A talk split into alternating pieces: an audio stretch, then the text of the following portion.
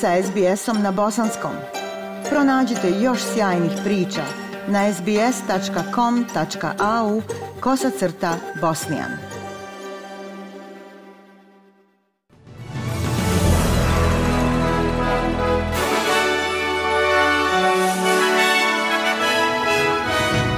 U današnjim vijestima poslušajte. Kralj Charles i princ William oduševili publiku šetnjom po Londonu. Protesti u Iranu nakon smrti žene koju je uhapsila moralna policija. I u sportu trener Collingwooda ponosan na Magpies uprkos tome što se nisu plasirali u veliko finale.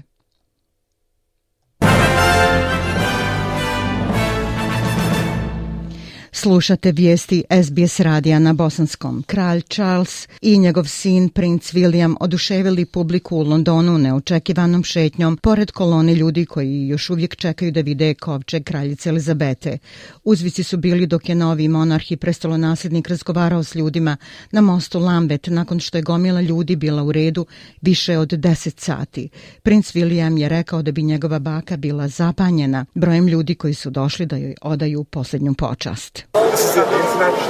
Ovo je međunarodno ovoliki red. Nikada ne bi vjerovala. Iskreno. Zaista ne bi. To je nevjerovatno.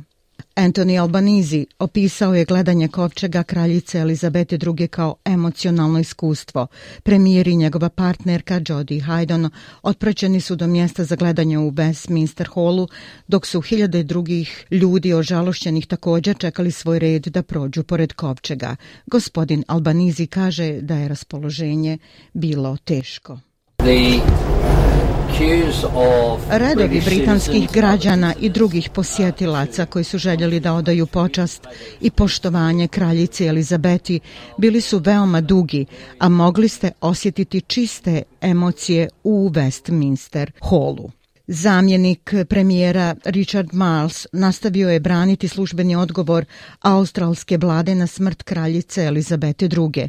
Odgovarajući na pitanje program, programa ABC Insider o tome da li su nacionalni dan žalosti i suspenzija parlamenta previše Gospodin Mals je rekao da je pošteno odati priznanje za život nekoga ko je dao 70 godina službe Commonwealthu.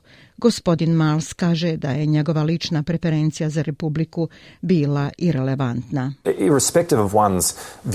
Bez obzira na nečije stavove o našim ustavnim uređenjima, mislim da su Australci zaista bili dirnuti onim što se dogodilo. Znate, ovo je događaj koji se nikada prije nije dogodio u našim životima.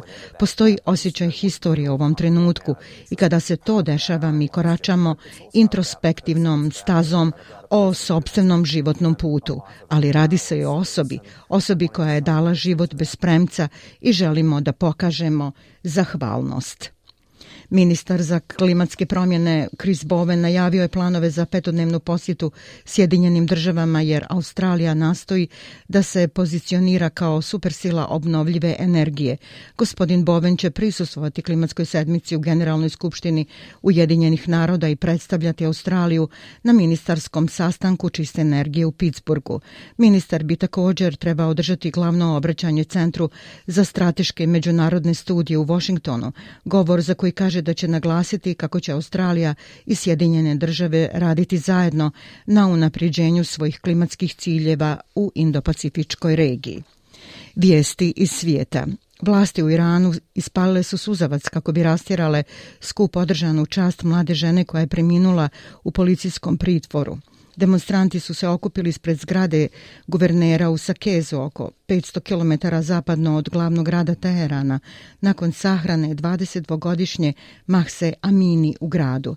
Njena smrt je oživjela u zavrele tenzije i zabrinutost zbog moralne policije koja provodi strogi kodeks oblačenja marama koji je obavezan za žene u Iranu nakon islamske revolucije 79. godine. Bilo je kritika na račun postupanja snaga prema mladima, a na društvenim mrežama postavljeni su video snimci na kojima se vidi kako policajci tjeraju žene u policijska vozila. Međutim, iranski ministar unutrašnjih poslova Ahmad Vahidi kaže da istraga do sada nije otkrila nikakve dokaze da su gospođu Amini zlostavljali policajci. Za sada nemamo izvještaja o premlačivanju od strane nadzornih tijela. Pomno smo pratili ovo pitanje da vidimo da li je bilo premlačivanja. Tehnički, moralni policajci nemaju alatke za premlačivanje. Oni su bez pendreka ili bilo kakvog drugog alata. Postoji veliki broj žena koje posluju sa ženama uhapšenim zbog hijaba. Mahsa Amini je uhapšena prošlog utorka nakon što je iranska policija za moral pronašla greške u njenoj marami ili hijabu. Policija kaže da je kasnije umrla od srčanog udara, ali njeni rođaci kažu da nije imala historiju srčanih bolesti.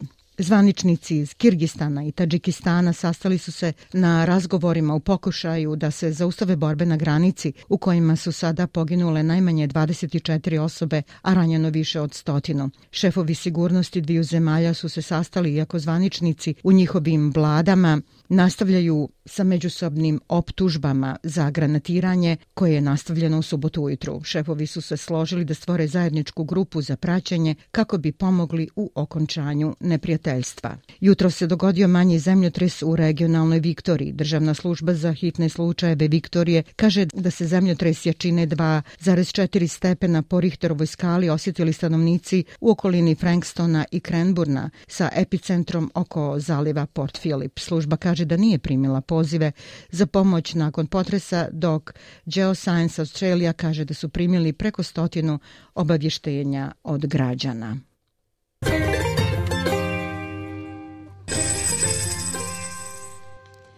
Prema kursnoj listi, australski dolar danas vrijedi 0,67 američkog dolara, 0,66 eura, 0,58 britanske funte i 1,31 bosanske konvertibilne marke.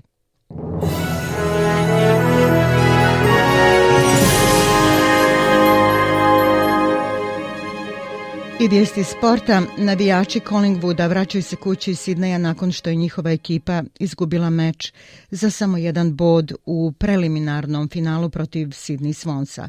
Son će sada se suočiti sa Geelong Catsima za premijeru sljedećeg vikenda nakon što su pobjedili Collingwood. Uprkos razočaravajućem završetku sezone, trener Magpiesa Craig McCree zahvalio je crno-bijeloj armiji na podršci i igračima na njihovoj borbi i strasti. Yeah, it's difficult because you get so close.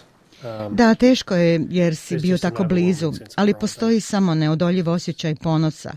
Ima ovo, uhvatiš sebe, emocije, gledaš igrače u oči, koliko su povrijeđeni, kako mnogo toga što su dali za godinu dana da padne na kraju. Da, samo su izuzetno ponosni na ono što su bili u stanju da urade kao grupa. I za kraj vijesti poslušajte vremensku prognozu i temperaturne vrijednosti za veće gradove u Australiji, u Adelaidu pljuskovi 16, Melbourneu 15, u Hobartu kiša također 15, Canberra 14, Sydney 23, u Brisbaneu uglavnom sunčano 27 i u Darwinu oblačno 34 stepena Celzijusa. Bile su ovo vijesti SBS radija na bosanskom jeziku. Ja sam Aisha Hadži Ahmetović.